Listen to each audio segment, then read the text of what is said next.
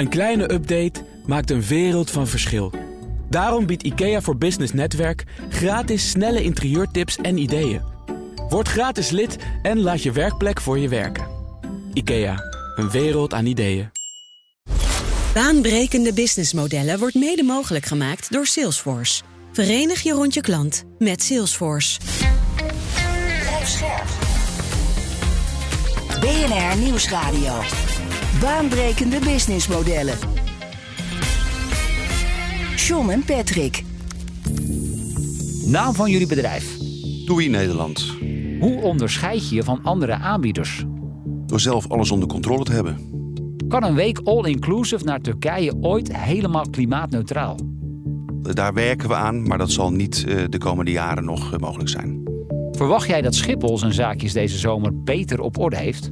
Beter is denk ik effectief de uitspraak die we moeten gebruiken. En beste Arjan, welk probleem lossen jullie eigenlijk voor klanten op? Heel veel, maar laten we het bij één woord houden en dat is ontzorgen. Over bedrijven die zichzelf opnieuw uitvinden en nieuwkomers die bestaande markten opschudden. Dit is baanbrekende businessmodellen. Met mij John van Schaag en Patrick van der Pijl. Onze gast is Arjan Kers, de algemeen directeur van TUI Nederland. Van harte welkom.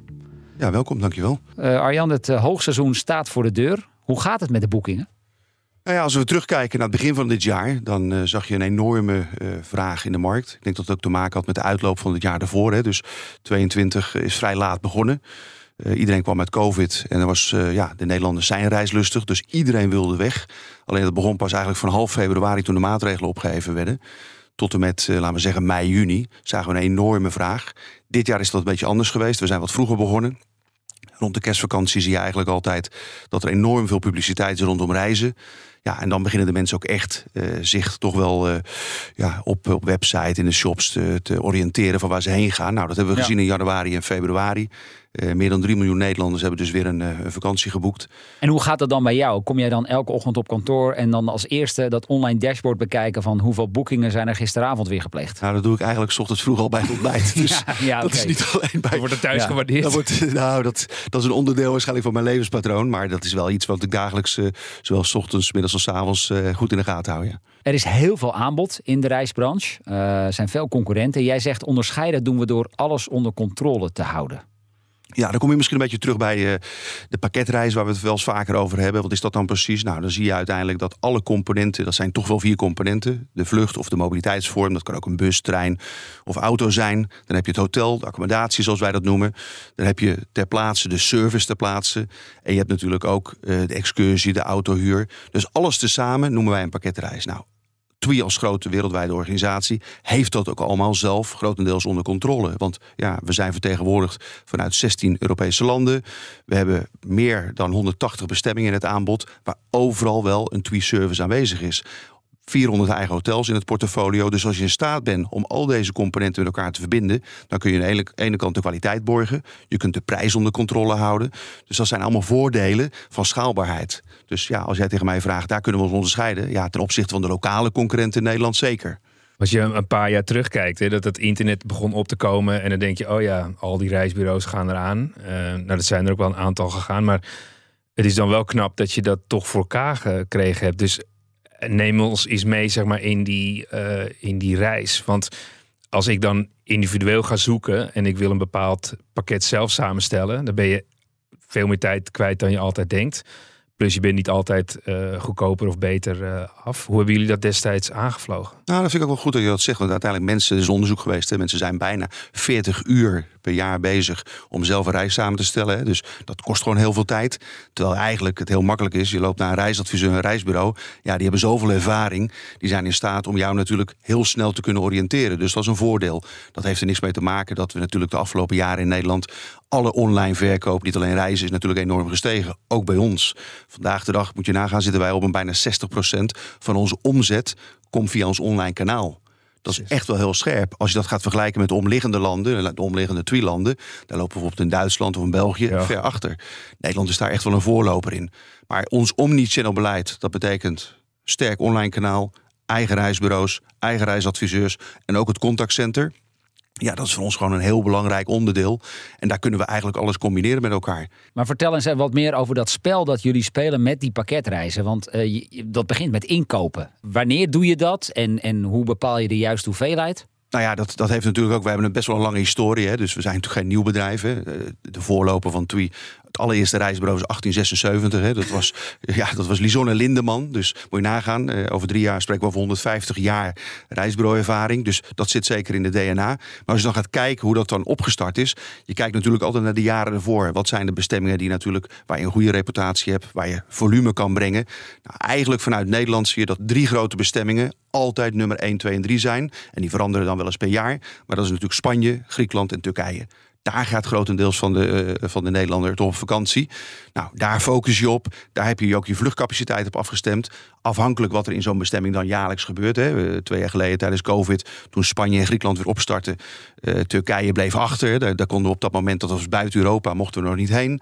Dan focussen we veel meer capaciteit op de andere twee grote bestemmingen, Griekenland en Spanje. En kun je iets geven, aangeven over aantallen? Want als je het hebt over capaciteit in Griekenland bijvoorbeeld. Uh, hoeveel hotels doen jullie daar? Hoeveel uh, vluchten verzorgen jullie? Nou ja, hotels kun je wereldwijd via verschillende platformen natuurlijk tienduizenden hotels aanbieden. Dat heeft er niks mee te maken dat je je omzet en de meeste passagiers blij maakt met misschien 20% van 80% van het aanbod. Dus dat is een heel ander verhaal. Dat heeft er niks mee te maken dat er altijd mensen zijn die ook buiten jouw 20% van je aanbod een hotel zoeken. Dus het is aan de ene kant heel goed om een breed aanbod te hebben, maar echt sturen doe je natuurlijk eigenlijk op 20% van het aanbod. En dat is natuurlijk heel belangrijk. En daar ga je proberen je jaarlijks natuurlijk weer met deze onderhandelingen ter plaatse op zo'n bestemming natuurlijk de beste prijs in te kopen voor de Nederlandse consument. En dat doe je samen natuurlijk ook, wij in dit geval, met de andere TUI-landen. Dus dan probeer je ook echt schaal te brengen. Kijk, vanuit Nederland, we zijn een kleine markt. Dus als wij tien kamertjes kunnen vullen, terwijl de Duitsers misschien 100 kamers en de Engelsen 100 kamers, dan ben je als TUI natuurlijk best wel sterk om op zo'n bestemming natuurlijk ook te vertegenwoordigd te zijn en de beste prijzen voor de consument in te kunnen kopen. Als ik het zelf zou boeken, dus uh, we gaan ook naar Turkije en dan uh, ga je met z'n vieren en dan regel je daar ook een prijs. Wij doen het ook toevallig via TUI. hoe doe jij dat dan met vliegtickets inkopen? Want weet jij dan van tevoren, nou ik schat het in en daar zet ik alvast een bezetting op. En als je dan bijvoorbeeld naar het hotel gaat, zeg je ook van hé, hey, ik verwacht deze bezetting en dat je daar afspraken over maakt. Dat is zeker afgestemd. Hè? Dus de vluchtcapaciteit op de bestemming per hotel, dat calculeren we jaarlijks in. Hè. Dus we kijken echt wel wat is ongeveer, wat kunnen we brengen in zo'n hotel. Dat is ook een afspraak die je maakt met zo'n partner. Dat verwachten ze ook. Als wij niet leveren, dan gaan ze die bedden toch aan een ander land verkopen. Hè. Dus aan de Duitsers of aan Engelsen. Dus dat zijn echt wel jaarlijkse afspraken. En dan zie je wel eens dat er prijsverschillen in zitten. Er zijn hotelpartners die van het ene jaar op het andere jaar 15% of 20% hun prijs verhogen. En dat zie je direct in de verkoop het jaar erop. Dus dan gaan wij ook weer terug en dan zeggen we, ja luister, je hebt zelf die prijzen verhoogd. De consument heeft dat gemerkt die heeft gekozen voor een buurman. Die gaat naar een ander hotel toe. Dus dat zijn allemaal wel dagelijkse onderhandelingen. ja, zelf... en dit is ook wel een spel waarin je uh, echt ook kunt onderhandelen. Hè? Of die, die prijzen die staan van tevoren niet helemaal uh, in, in beton gebeiteld. Nee, zeker niet, zeker niet. Ik heb zelf bijna 25 jaar in die onderhandelingstafel gezeten, internationaal. Dus ja, met duizenden hotelpartners verschillende nationaliteiten onderhandeld. Ik vind dat nog steeds een fantastische sport. En ik word er echt passioneel van als ik erover spreek. Want ja, dat is natuurlijk fantastisch.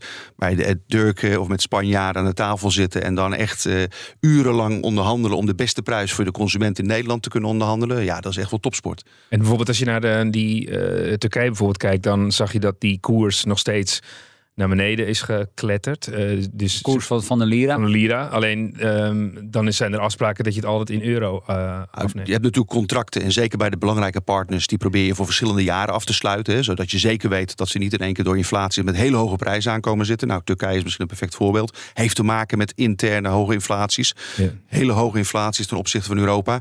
Ja, de, de partners daar te plaatsen die proberen dat natuurlijk ook weer te compenseren door dat door te rekenen aan ons. Alleen dat heeft ook weer een directe impact dat de bestemming natuurlijk duur duurder wordt op een bepaald moment ten opzichte van andere concurrentbestemmingen zoals in Spanje of Griekenland. Dus dat proberen we natuurlijk ook in onze onderhandelingstechniek te gebruiken richting de partner om te zeggen ja, maak jezelf niet te duur, dan prijs je de markt uit. Dan die pakketten, dus uh, wat je eerder zei, al die services achter elkaar zet van logistiek naar eigenlijk uh, verblijf. Wanneer bepaal je dan of je in logistiek uh, iets aanschaft en eigenaar wordt. En bijvoorbeeld in een hotel dat je uiteindelijk ook gaat exporteren. Want dat is wel echt compleet andere business. Zeker, zeker. Maar dat is natuurlijk als je op een bepaald moment genoeg volume kan brengen naar, naar, een, naar een bestemming, dan is het zeker interessant om eigen hotels. Hotels hebben een veel hogere revenue en veel hogere winstgevendheid dan een eh, reisorganisatie. Dus uiteindelijk, als je daar natuurlijk op een aantal bestemmingen waar je genoeg volume brengt, eigen hotels kan hebben, dan kan je natuurlijk in de hele keten nog meer geld verdienen. Dat is natuurlijk uiteindelijk toch wel een beetje het plan. Als je spreekt over mobiliteit, ja, dan is natuurlijk vliegen vandaag de dag nog steeds de belangrijkste mobiliteitsvorm om naar een aantal bestemmingen te gaan. Wij hebben zelf een eigen vloot, hè, dus in Nederland. Dat is een heel belangrijk onderdeel van die reis. Dat betekent niet dat we natuurlijk ook volop bezig zijn. En dat er nog heel veel Nederlanders natuurlijk ook zelf de auto pakken. Hè. Dus la- zeker nou, als we gaan kijken naar, eh, naar Zuid-Europa, Oostenrijk, Italië, Frankrijk. Belangrijke eh, autovakantiebestemmingen. Ja, dat zijn allemaal onderdelen die je natuurlijk erin calculeert. Alleen als je kijkt naar een vliegreis, is er veel meer mogelijkheid om een verschil te maken. De prijzen zijn natuurlijk hoger dan een autovakantie. Om een verschil te maken met je concurrenten. En de marges, gemiddeld genomen. Ja, die zijn echt flinten, flinten dun. Dat moet je Ja? echt niet onderschatten. Het gaat echt om schaalbaarheid. Hè. Natuurlijk heb je ook reisspecialisten die natuurlijk heel erg mikken op het hogere se- segment. Dat zijn kleinere volumes, maar die kunnen zeker hogere marges maken. Maar als je spreekt over de grotere reisorganisaties, dan zijn de marges echt flinten, flinten dun. Dan praat je over een paar procent. Ja, echt een paar procent. Ja. Moet je echt niet denken En aan wat doe je dan bijvoorbeeld als er ehm, nou, op een vlucht of in een hotel nog heel veel lege plekken zijn? En het is al eind juli bijvoorbeeld. Gaan jullie dan stunten? Nou ja, dat is misschien wel goed om te zien wat er dit jaar gebeurd is. Kijk, vorig jaar, wat ik al zei, is bijna geen vergelijk. Wij af en toe willen we wel eens vergelijken met 2022, maar wat ik net al vertelde, heel raar patroon geweest, natuurlijk laat opgestart. Dus we vergelijken liever nog met het laatste jaar voor COVID, dat was 2019. En dan zie je toch weer datzelfde patroon teruggekomen. Dus al die jaren na elkaar zijn we natuurlijk in staat om data te verzamelen en te zien hoe is dat verkooppatroon. Ik moet je wel zeggen, en dat was misschien ook de beginvraag die je net stelde, wat zie je nu deze zomer? Ik zei al, we zijn heel sterk begonnen begin van het jaar, maar de laatste maanden, en dat heeft niet alleen te maken met het, eh, met het mooie weer. Er zijn waarschijnlijk ook andere aspecten die daar een rol spelen. Ja, zie je wel dat vier van de Nederlanders in het laatste onderzoek nog niet geboekt hadden. En die probeert heel de markt, probeert die vier, die vier van de tien Nederlanders te bereiken. Ja, dan moeten wij ook de markt op gaan. En dan moet je een keuze maken. Wij hebben vliegtuigen, die moeten met een gemiddelde loodvak de lucht ingaan. Anders wordt het veel te duur. En dat helpt ook je bedrijf ook niet echt bij bij duurzaamheid. Dus je probeert toch ongeveer 95, 96 procent van je vloot qua loodfactor te vullen. Ja, dan moet ik met mijn prijs naar beneden gaan om te zorgen dat ik toch die klant kan bereiken. Nou, wij hebben afgelopen weken een campagne gestart. En je start een campagne en je ziet het eigenlijk direct weer omhoog gaan. Dus de Nederlander is gewoon prijsgevoelig. Maar ik kan me wel voorstellen, zo'n all-inclusive Turkije, dat is qua online kliks. Dan, dan praat je over enorme bedragen. Ja, dan betaal je. Kijk, uiteindelijk, als je ziet het portfolio wat wij aanbieden, natuurlijk wereldwijd. Je hebt natuurlijk ook wel je, je focus, wat ik al zei, die 20% van die hotels waar je echt je volumes op kan maken. Dat doe je natuurlijk ook zeker als je gaat kijken naar de online kliks. Is dat ook je core? Je kan niet die 10.000 hotels die je in het portfolio hebt, natuurlijk allemaal op dezelfde manier in, eh, in Google neerzetten. Dat is, dat is onbetaalbaar. Maar ja, wij zijn natuurlijk wel een grote, grote speler. Dus ja, daar gaat ook heel veel geld in om. Om te zorgen dat je natuurlijk wel heel zichtbaar bent. En als je nou een typische vakantie eh, pakt die door nou, het grootste percentage wordt geboekt, bijvoorbeeld in Turkije. Hoe ziet die er dan uit en wat geven mensen daar gemiddeld aan uit? Nou ja, ik denk als, kijk, als je, wat je ziet in het begin van het jaar, dan zie je een groep Ne- Nederlanders die uiteindelijk op vakantie wil, het geld ervoor over heeft. Die willen ook op de eerste, lijn, op de eerste rij zitten. Hè. Dus die boeken ook de beste hotels vaak, de beste kamers. Want dat zijn toch mensen die al ervaren reizigers zijn. Ja, die geven het geld ervoor uit om gewoon, wat ik al zei, op de eerste rij te zitten in de beste hotels, de beste bestemmingen. Als je natuurlijk gaat wachten op dit moment, ja, dan wordt het wel een stukje goedkoper. Maar dan kan het zijn dat je niet meer de beste hotels, de beste kamers hebt. En dat je misschien op de achterkant kijkt. Dus wij geven ook aan, ja, hoe vroeger je boekt, hoe beter voor jezelf. Iets anders is, ja, als je er niet uitmaakt, en je ik wil op het last minute toch wachten, dan kan het zijn dat hotels vol zijn, dan kan het zijn dat er geen beschikbaarheid meer is. En het kan ook zijn dat het ook nog zelfs duurder is, hè? want het is niet altijd goedkoper in last minute. Het kan ook zo zijn op een bepaald moment, als er helemaal geen beschikbaarheid is meer op een bestemming, ja, dat uiteindelijk de hotel zegt, joh, ik zit bijna vol, mijn laatste plaats die gaat gewoon duur weg. De luchtvaartmaatschappij zegt hetzelfde, dat eigenlijk het hele pakket nog duurder is geworden. Dus ja, die prijs en vraag en aanbod, dat ligt heel dicht bij elkaar. Maar zie je dan bijvoorbeeld dat het een eh, gemiddeld tussen de 4.000 en 6.000 euro voor twee weken wordt betaald? Wat, wat is Nou ja, je moet nagaan dat de gemiddelde reissom, laten we zeggen, van een grote, van een grote reisorganisatie zoals wij, die toch op schaalbaarheid en op, laten we zeggen, toch de grote, het groot gedeelte van Nederland eh, bedient. Ja, dan spreek je over gemiddelde reissommen van 1200, 1300 euro. BNR Nieuwsradio. Baanbrekende businessmodellen. Met deze keer het verhaal over TUI Nederland. Zometeen meer, maar nu eerst weer een ander businessmodel in de spotlights. En dat doen we deze keer met Remy Gilling van AI.nl. We kennen natuurlijk allemaal ChatGPT. Hè? Het is een prachtig taalmodel die je kan ondersteunen in het schrijven van koude sales-e-mailtjes, het maken van een LinkedIn-post. Het nadeel daarvan is, is wel dat je iedere keer naar die site van OpenAI toe moet gaan. En dat is best wel ja, een interruptie van je werkweek of werkdag, kunnen we zeggen. Er zijn meer en meer toolings die eigenlijk uh, als een soort van pluginnetje worden gemaakt voor in je browser, voor in Chrome in dit geval. Zoals de tool die we vandaag gaan behandelen. Ja, en de naam van die tool is getmagical.com. Ook wel Magical genoemd. En die kunnen ervoor zorgen dat je gewoon direct in je inbox ja, mailtjes kan laten genereren. Maar ook bijvoorbeeld LinkedIn-profielen kan scrapen en direct de informatie van een LinkedIn-profiel in een mailtje kan verwerken. Voor koude verkoop, voor koude acquisitie. Ofwel het gelijk in een database systeem zoals HubSpot kan verwerken. Dan het probleem dat deze tool wil oplossen, die zit hem in tijd. Tijd die we nodig hebben om met elkaar te communiceren. Om mailtjes te beantwoorden bijvoorbeeld. Onderzoek van Adobe en ook later Microsoft heeft laten zien dat de gemiddelde professional in Amerika vijf uur achter zijn of haar mailbox doorbrengt. In Europa is het iets beter gesteld, 4,5 uur. Maar daar komt nog eens 90 minuten per dag bij. In corporate chatdiensten zoals Slack of Microsoft Teams. Daar komen nog al die videovergaderingen bij. Dus de tijd die wij met iedere dag besteden aan onze mailbox, en communiceren met elkaar, is enorm. En dit soort tooling, uh, uh, die ook mogelijk wordt gemaakt door de engine van GPT-4, ja, dat gaat ons als het goed is, als we dit op de juiste manier inzetten, heel veel tijd besparen. En het mooie, deze tool is zelfs gratis beschikbaar. Ja, sterker nog, er is nog geen betaalde versie. Feit is wel dat de tool, die nog niet zo lang bestaat, wel al een indrukwekkende lijst met afnemers heeft. Netflix, PayPal, Etsy, Atlassian, Amazon. En wordt ook nog eens behoorlijk goed beoordeeld. Remy Gilling was dat van AI.nl. We praten verder met eh, Arjan Kers, de algemeen directeur van TUI Nederland. Uh, ja, misschien meteen even een mooi bruggetje maken. Want jullie hebben ook jullie eigen TUI AI Lab. Nou ja, ik denk dat AI uh, niet alleen de wereld gaat veranderen, maar ook de reissector zal veranderen. Dus uh, wat ik al zei, we zijn een internationaal bedrijf. er zijn heel wat collega's bij aangesloten bij dit AI Lab. En je moet echt nadenken dat wij vandaag de dag natuurlijk echt wel customer-faced organisatie zijn. Dus echt wel de consumer en de consument is een belangrijk onderdeel erin. Maar ook heel veel handmatig werk nog steeds gedaan wordt. Dus ja, als je nu gaat kijken wat wij bijvoorbeeld, ik geef maar een paar kleine voorbeelden. Als je spreekt over teksten schrijven van hotels. Als je spreekt over vertalingen. Als je spreekt over binnen de retail. Wij noemen dat twee know-how. Als je dat in de toekomst via AI natuurlijk uh, kan versnellen. Dat is nu nog veel handwerk. Dat is nu heel veel handwerk. Ja, en een bak content ook. Ja, een heel bak content. Ja, je spreekt over fotoshoots op een bestemming. Nou, in de toekomst er zijn nieuwe apps daarvoor. Dan kun je dat gewoon in de studio maken. Weet je? Dus er zijn en ik kan me ook mogelijk. voorstellen dat op basis van jouw profiel kun je ook hele gepersonaliseerde reisaanbevelingen doen. Ja, maar dat doen we al via CRM. Hè. Wij zijn echt wel ook daar in eigen van voorlopen. Als je gaat kijken wat we het afgelopen jaar gedaan hebben. Dus mensen komen op vakantie. Net voordat ze vertrekken via onze TWE-app worden ze benaderd. Van joh, fijne vakantie. Komen ze terug. Hebben we een fijne vakantie gehad. Krijgen ze weer een appje daarna dat noemen wij dan een beetje de holiday blues. Hoe ben je teruggekomen? Uh, heb je nog wat nodig van ons? Nou, uh, een jaar later krijgen ze een soort reminder met een klein filmpje erbij over hoe hun vakantie het jaar daarvoor was, op welke bestemming. Dus ja, we proberen de mensen echt altijd vast te houden in die hele customer journey. Maar met AI kun je daar wellicht nog een stapje verder in gaan en in de toekomst ook voorspellen waar een klant zijn volgende vakantie naartoe wil. Ja, zeker, zeker. En dat is natuurlijk ook een heel belangrijk onderdeel, want dan kan je ook veel meer focussen qua marketingactiviteiten. Maar bijvoorbeeld ook een belangrijk onderdeel, dat hebben we afgelopen jaren gezien tijdens COVID. Als je spreekt over reisadviezen.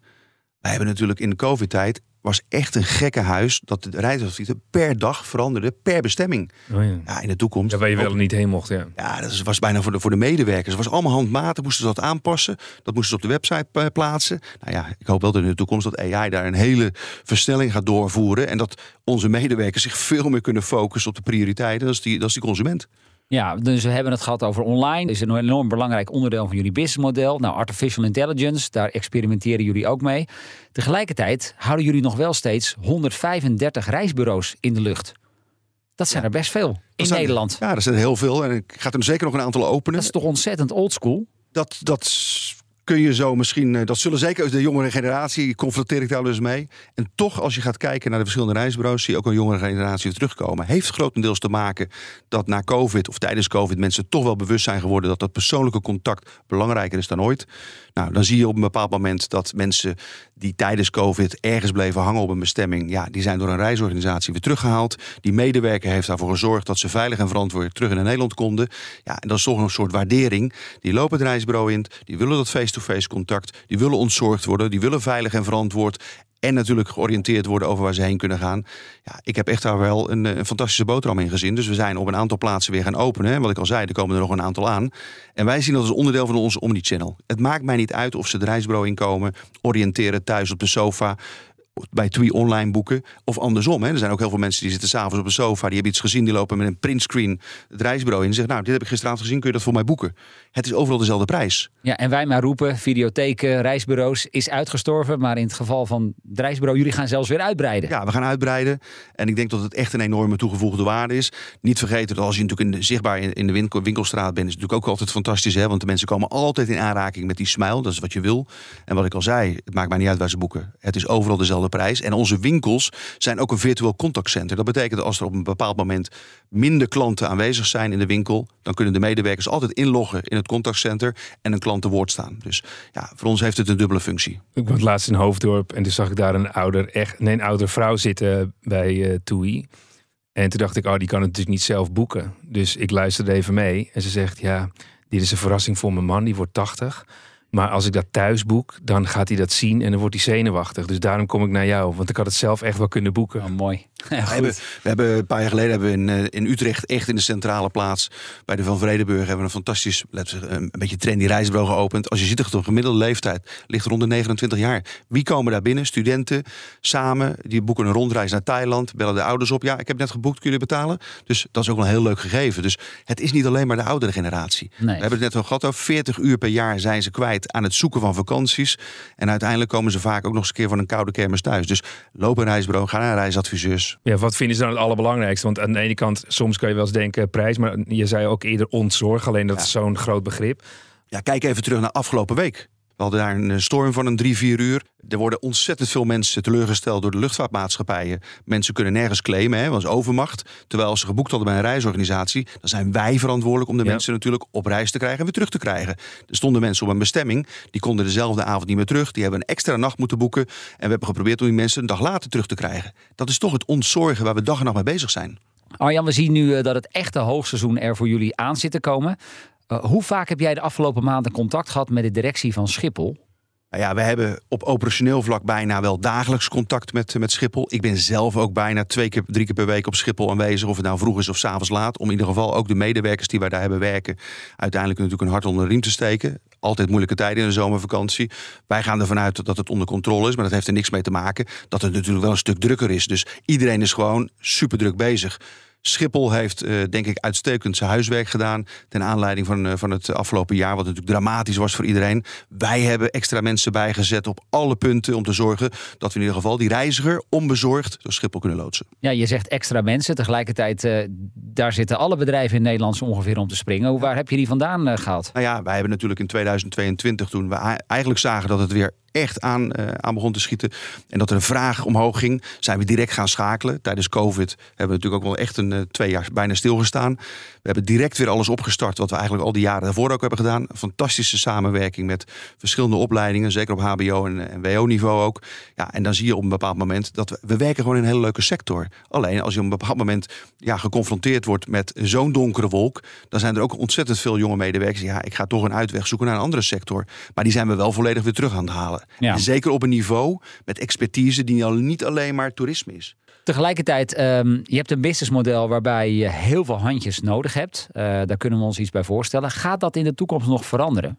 Dat gaat zeker veranderen. We hadden het net over AI. En ik denk dat AI daar een heel belangrijk onderdeel gaat spelen. Maar ook Dus- bijvoorbeeld robots voor de bagageafhandeling. Nou ja, is, is dat, dat is mogelijk? natuurlijk een onderdeel van, van Schiphol, maar dat is zeker Ja. mogelijk. Ik was pas op Lelystad Airport. Daar hebben ze al van die kleine robots die de koffers van de ene kant naar de andere kant brengen. Dus die mogelijkheden zijn er zeker. En ik denk dat dat daar ook allemaal heen gaat. Het gaat allemaal een stuk makkelijker zijn. En die versnelling komt er ook. Alleen ja, voor sommige mensen gaat het nooit snel genoeg. Partnerships, die sluiten jullie ook af met andere, vaak wat kleinere bedrijven. Ehm, ik zag er eentje staan, bagageservice, Backpoint. Wat, wat doen zij? Nou ja, leuk dat je dat noemt, want eh, wij zijn ook echt wel uh, een ondernemer in een grote onderneming. En wij zijn altijd op zoek naar start-ups die ons benaderen. En daar komen er regelmatig een aantal voorbij. Die nemen we onder loep, kijken wat ze voor ons kunnen betekenen. Nou, Backpoint is daar een van. Is een uh, fantastische partij die eigenlijk al voor COVID ons benaderd had over het feit van we halen jullie bagage thuis op. Wij checken het voor je in en je krijgt het op de bestemming. Hè. Dus eigenlijk ook weer het gedeelte ontzorgen.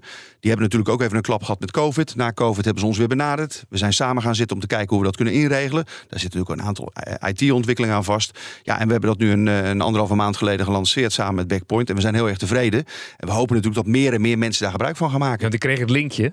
En ja? toen dacht ik, hey, dit vind ik wel interessant. Ik denk, wacht even voordat Arjan in de uitzending is. Maar mijn vrouw zei van, oh, maar wacht even, komen die koffers dan wel aan? Ik zeg, ja, het lijkt mij sneller en makkelijker. Ja, het is natuurlijk eigenlijk een heel goed bedacht idee. Want uiteindelijk, ja, ze worden thuis opgehaald. Hun checken het in. Uh, alles wordt voor je geregeld. En als je op de bestemming komt, ja, dan moet je ze zelf natuurlijk van de band afhalen op de bestemming. Maar ik bedoel, ze zijn daar wel gekomen. Natuurlijk ben je nu aan het kijken. Kun je zoiets natuurlijk ook de terugweg gaan doen. Maar dan ben je weer afhankelijk van verschillende luchthavens in het buitenland. Nou, dat zijn natuurlijk allemaal wat moeilijkere tra trajecten. Maar het idee erachter is natuurlijk heel simpel. En je kunt het natuurlijk ook uit gaan breiden in de omliggende landen. En dan kom je terug een beetje aan de ondernemer binnen de grote onderneming. In Nederland proberen we altijd wel een beetje de pijlen te zijn voor de rest van de grote TWI-onderneming. Om in ieder geval dit soort dingen uit te proberen. En dat is wel hartstikke leuk. Nederlanders zijn natuurlijk echt wel gewillig om dingen uit te proberen. Dus, uh... Een andere partner, Travel with Zoe. Een soort ja. uh, persoonlijke reisassistent. Ja, Travel with Zoe, ook een fantastische start-up. Jongens die zijn een aantal jaar geleden ook begonnen met, uh, met het idee om een soort conciërge mee op reis te nemen. Nou, dat hebben we nu uh, alweer wat langer ge geïntroduceerd met onze stedenreizen. Dus je gaat eigenlijk op reis op een citytrip, zoals wij dat noemen. Nou, Madrid, laten we zeggen. Dan heb je een soort WhatsApp-service. Wij noemen die Louise. Nou, en daar ben je constant mee in contact. En als je dan zegt, nou, ik loop toevallig hier op de Gran Via in Madrid. En ik wil vanavond een hartstikke leuk restaurant echt een, een typisch Madrileens restaurant. Geef me wat tips. Nou, dan krijg je die doorgestuurd.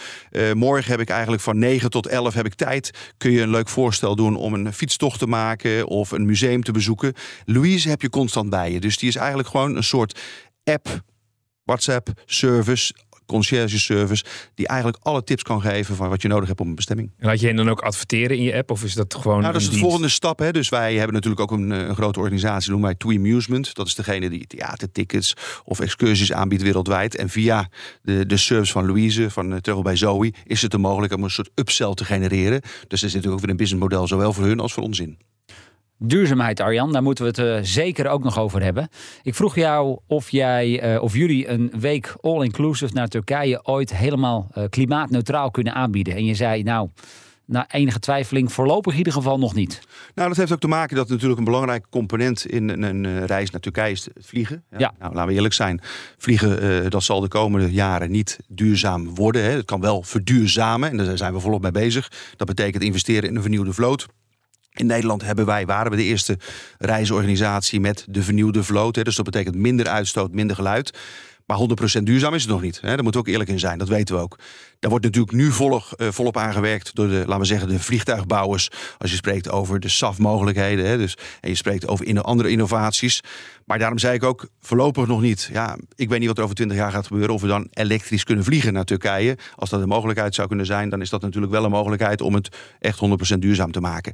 Uh, de hotels zijn volledig bezig. Hè. We spreken ontzettend veel hotels. Die worden geaudit door ons om te zien wat ze al doen. Afvalscheiding, zonnepanelen waar ze zwembad mee verwarmen. Uh, dus er worden ontzettend veel al gedaan. Als je dat natuurlijk allemaal samen kan pakken, ja, dan noemen wij dat eigenlijk vandaag al een soort fair travel. En kun je daarbij ook um, uh, de omvang van jullie bedrijf laten gelden? Uh, dat je zegt van hotels uh, allemaal leuk en aardig, maar over twee jaar gaan we jullie alleen nog maar boeken als, we, als jullie een duurzaamheidsstempel hebben. Nou, dat, dat is een van de, denk ik, sterke punten die wij als grote organisatie kunnen doen. Want uiteindelijk, dat gebeurt dan niet alleen vanuit Nederland, dat gebeurt ook van de omliggende twee landen. Je hebt natuurlijk als groot bedrijf best wel wat kracht om dit soort, ja, laten we zeggen, ik wil niet zeggen direct afdwingen te doen, maar ja, je kan wel iets voorleggen van, joh, ja. wij willen de komende twee jaar dat deze hotels van ons aan deze criteria voldoen. Dat doen we trouwens al, hè. zeker met onze eigen hotels. Hè. TUI heeft 400, meer dan 400 hotels in eigen portfolio, in eigendom. Daar worden dit soort criteria al hard nou, die dieselbussen, daar, daar moeten we denk ik echt wat heel ja. snel aan doen. Zie je die bussen zie je staan op het vliegveld van je bestemming. En die staan dan met z'n veertig een half uur lang te ronken, terwijl er nog niemand in zit. Daar worden ook al initiatieven gestapt. Kijk, je hebt het misschien nu over bestemmingen die daar nog niet aan toe zijn. Maar kijk naar Mallorca. Als je Mallorca aanlandt, dan zie je echt wel 50 tweebussen staan. En daar zijn ze volledig bezig om die ook te elektrificeren. Dus ook daar worden al stappen gemaakt. Maar dat is natuurlijk ook afhankelijk van de investeerders ter plaatse. eh, de mogelijkheden qua ontwikkeling. Dus ja, aan de ene kant, we willen allemaal heel graag. En het gaat nooit snel genoeg. Maar onwil is er zeker niet. Nee. Iedereen wil ook verduurzamen. En als je dan even eh, de contouren zou schetsen van een duurzaam bedrijfsmodel voor het toerisme. Hoe zou dat er dan uit gewoon weer zien? Nou ja, ik denk als je gaat kijken dat je als groot bedrijf natuurlijk veel meer uitdagingen hebt. Je hebt natuurlijk veel meer volume en veel meer componenten waar je rekening moet houden. Als kleine reisorganisatie kun je dit soort dingen natuurlijk echt wel concreet neerzetten. Jij zei het net terecht. Als je bijvoorbeeld als kleine reisorganisatie zou zeggen, ja, ik ga alleen nog maar eh, ja, duizend klanten die je vervoert. Die ga ik alleen nog maar naar duurzame hotels binnen Europa. Niet met de vlucht, maar met een trein. Dan maak je al grote stappen. Dat is natuurlijk niet ons businessmodel. Uiteindelijk, wij moeten het doen. Met ons businessmodel moeten we die stappen gaan maken. Nou, een van de voorbeelden is dat wij natuurlijk afgelopen jaren begonnen zijn. Ook met een start-up. Ja, met Green City Trips. Daar bieden we sinds vorig jaar de Ski Express naar Oostenrijk aan. Een nachttrein. Nou, fantastisch model. Dat hebben we dit jaar, gaan we dat weer verlengen. Dus wij blijven investeren. En dat zal de eerste jaren misschien niet echt rendabel zijn. Maakt ook helemaal niet uit. Want ik vind het investering voor de toekomst. Dat vind ik veel belangrijker. Dat we aan kunnen tonen dat wij ook graag daarin mee willen gaan. Tegelijkertijd zou je ook kunnen zeggen, eh, vliegen naar Curaçao voor 10 dagen zon. Eh, erg populair zag ik op jullie eh, website. Of bijvoorbeeld een lang weekend naar Valencia. Moeten we dat in de toekomst eigenlijk nog wel willen? Met andere woorden, het mag allemaal misschien ook best even iets minder. En dat is lastig te verkopen natuurlijk als je een reisaanbieder bent. Nou, is niet lastig verkopen. Ik denk dat wij ook een, eh, toch wel een verantwoordelijkheid hebben om mensen natuurlijk een richting in te wijzen. Die betekent dat wij ook instaan voor het verduurzamen van vakanties. Ik wil ook dat de komende generaties nog een mooie vakantie kunnen hebben. Dus ik denk dat we dat al grotendeels doen. Hè. Je spreekt over Curaçao. Nou ja, op dit moment de enige mogelijkheid om naar Curaçao te gaan is met het vliegtuig. Wij gebruiken de Dreamliner, hè, de 787 Dreamliner van Boeing. Dat is op dit moment in dat type het meest duurzame vliegtuig. Is niet duurzaam, maar wel het meest duurzame wat op de markt is. Dus ja, we dragen al bij aan het verduurzamen van die reis. 100% duurzaam, wat ik al zei, is het natuurlijk niet. Je kan natuurlijk ook tegen mensen zeggen: ja, moet je op een bepaald moment vier, vijf keer gaan? Maar ja, dat is de verantwoordelijkheid van iedereen zelf, vind ik. Daar kunnen wij alleen maar in aangeven wat dat betekent. Ja, dus ik denk dat het ook een keuze is van de, van de consument. Ja, en waar ik ook heel nieuwsgierig naar ben. Jij hebt ook eh, aan de onderhandeltafel gezeten aan verschillende kanten. Als je bijvoorbeeld kijkt naar zo'n echt groot ehm, hotelcomplex, bijvoorbeeld in eh, Turkije. Als je daar dan de eigenaar bent. Wat is dan het spel wat je speelt? Want is het dan verstandig om juist wel eh, all-inclusive te gaan doen? Eh, je hebt een entertainment team. eh, je moet best wel veel.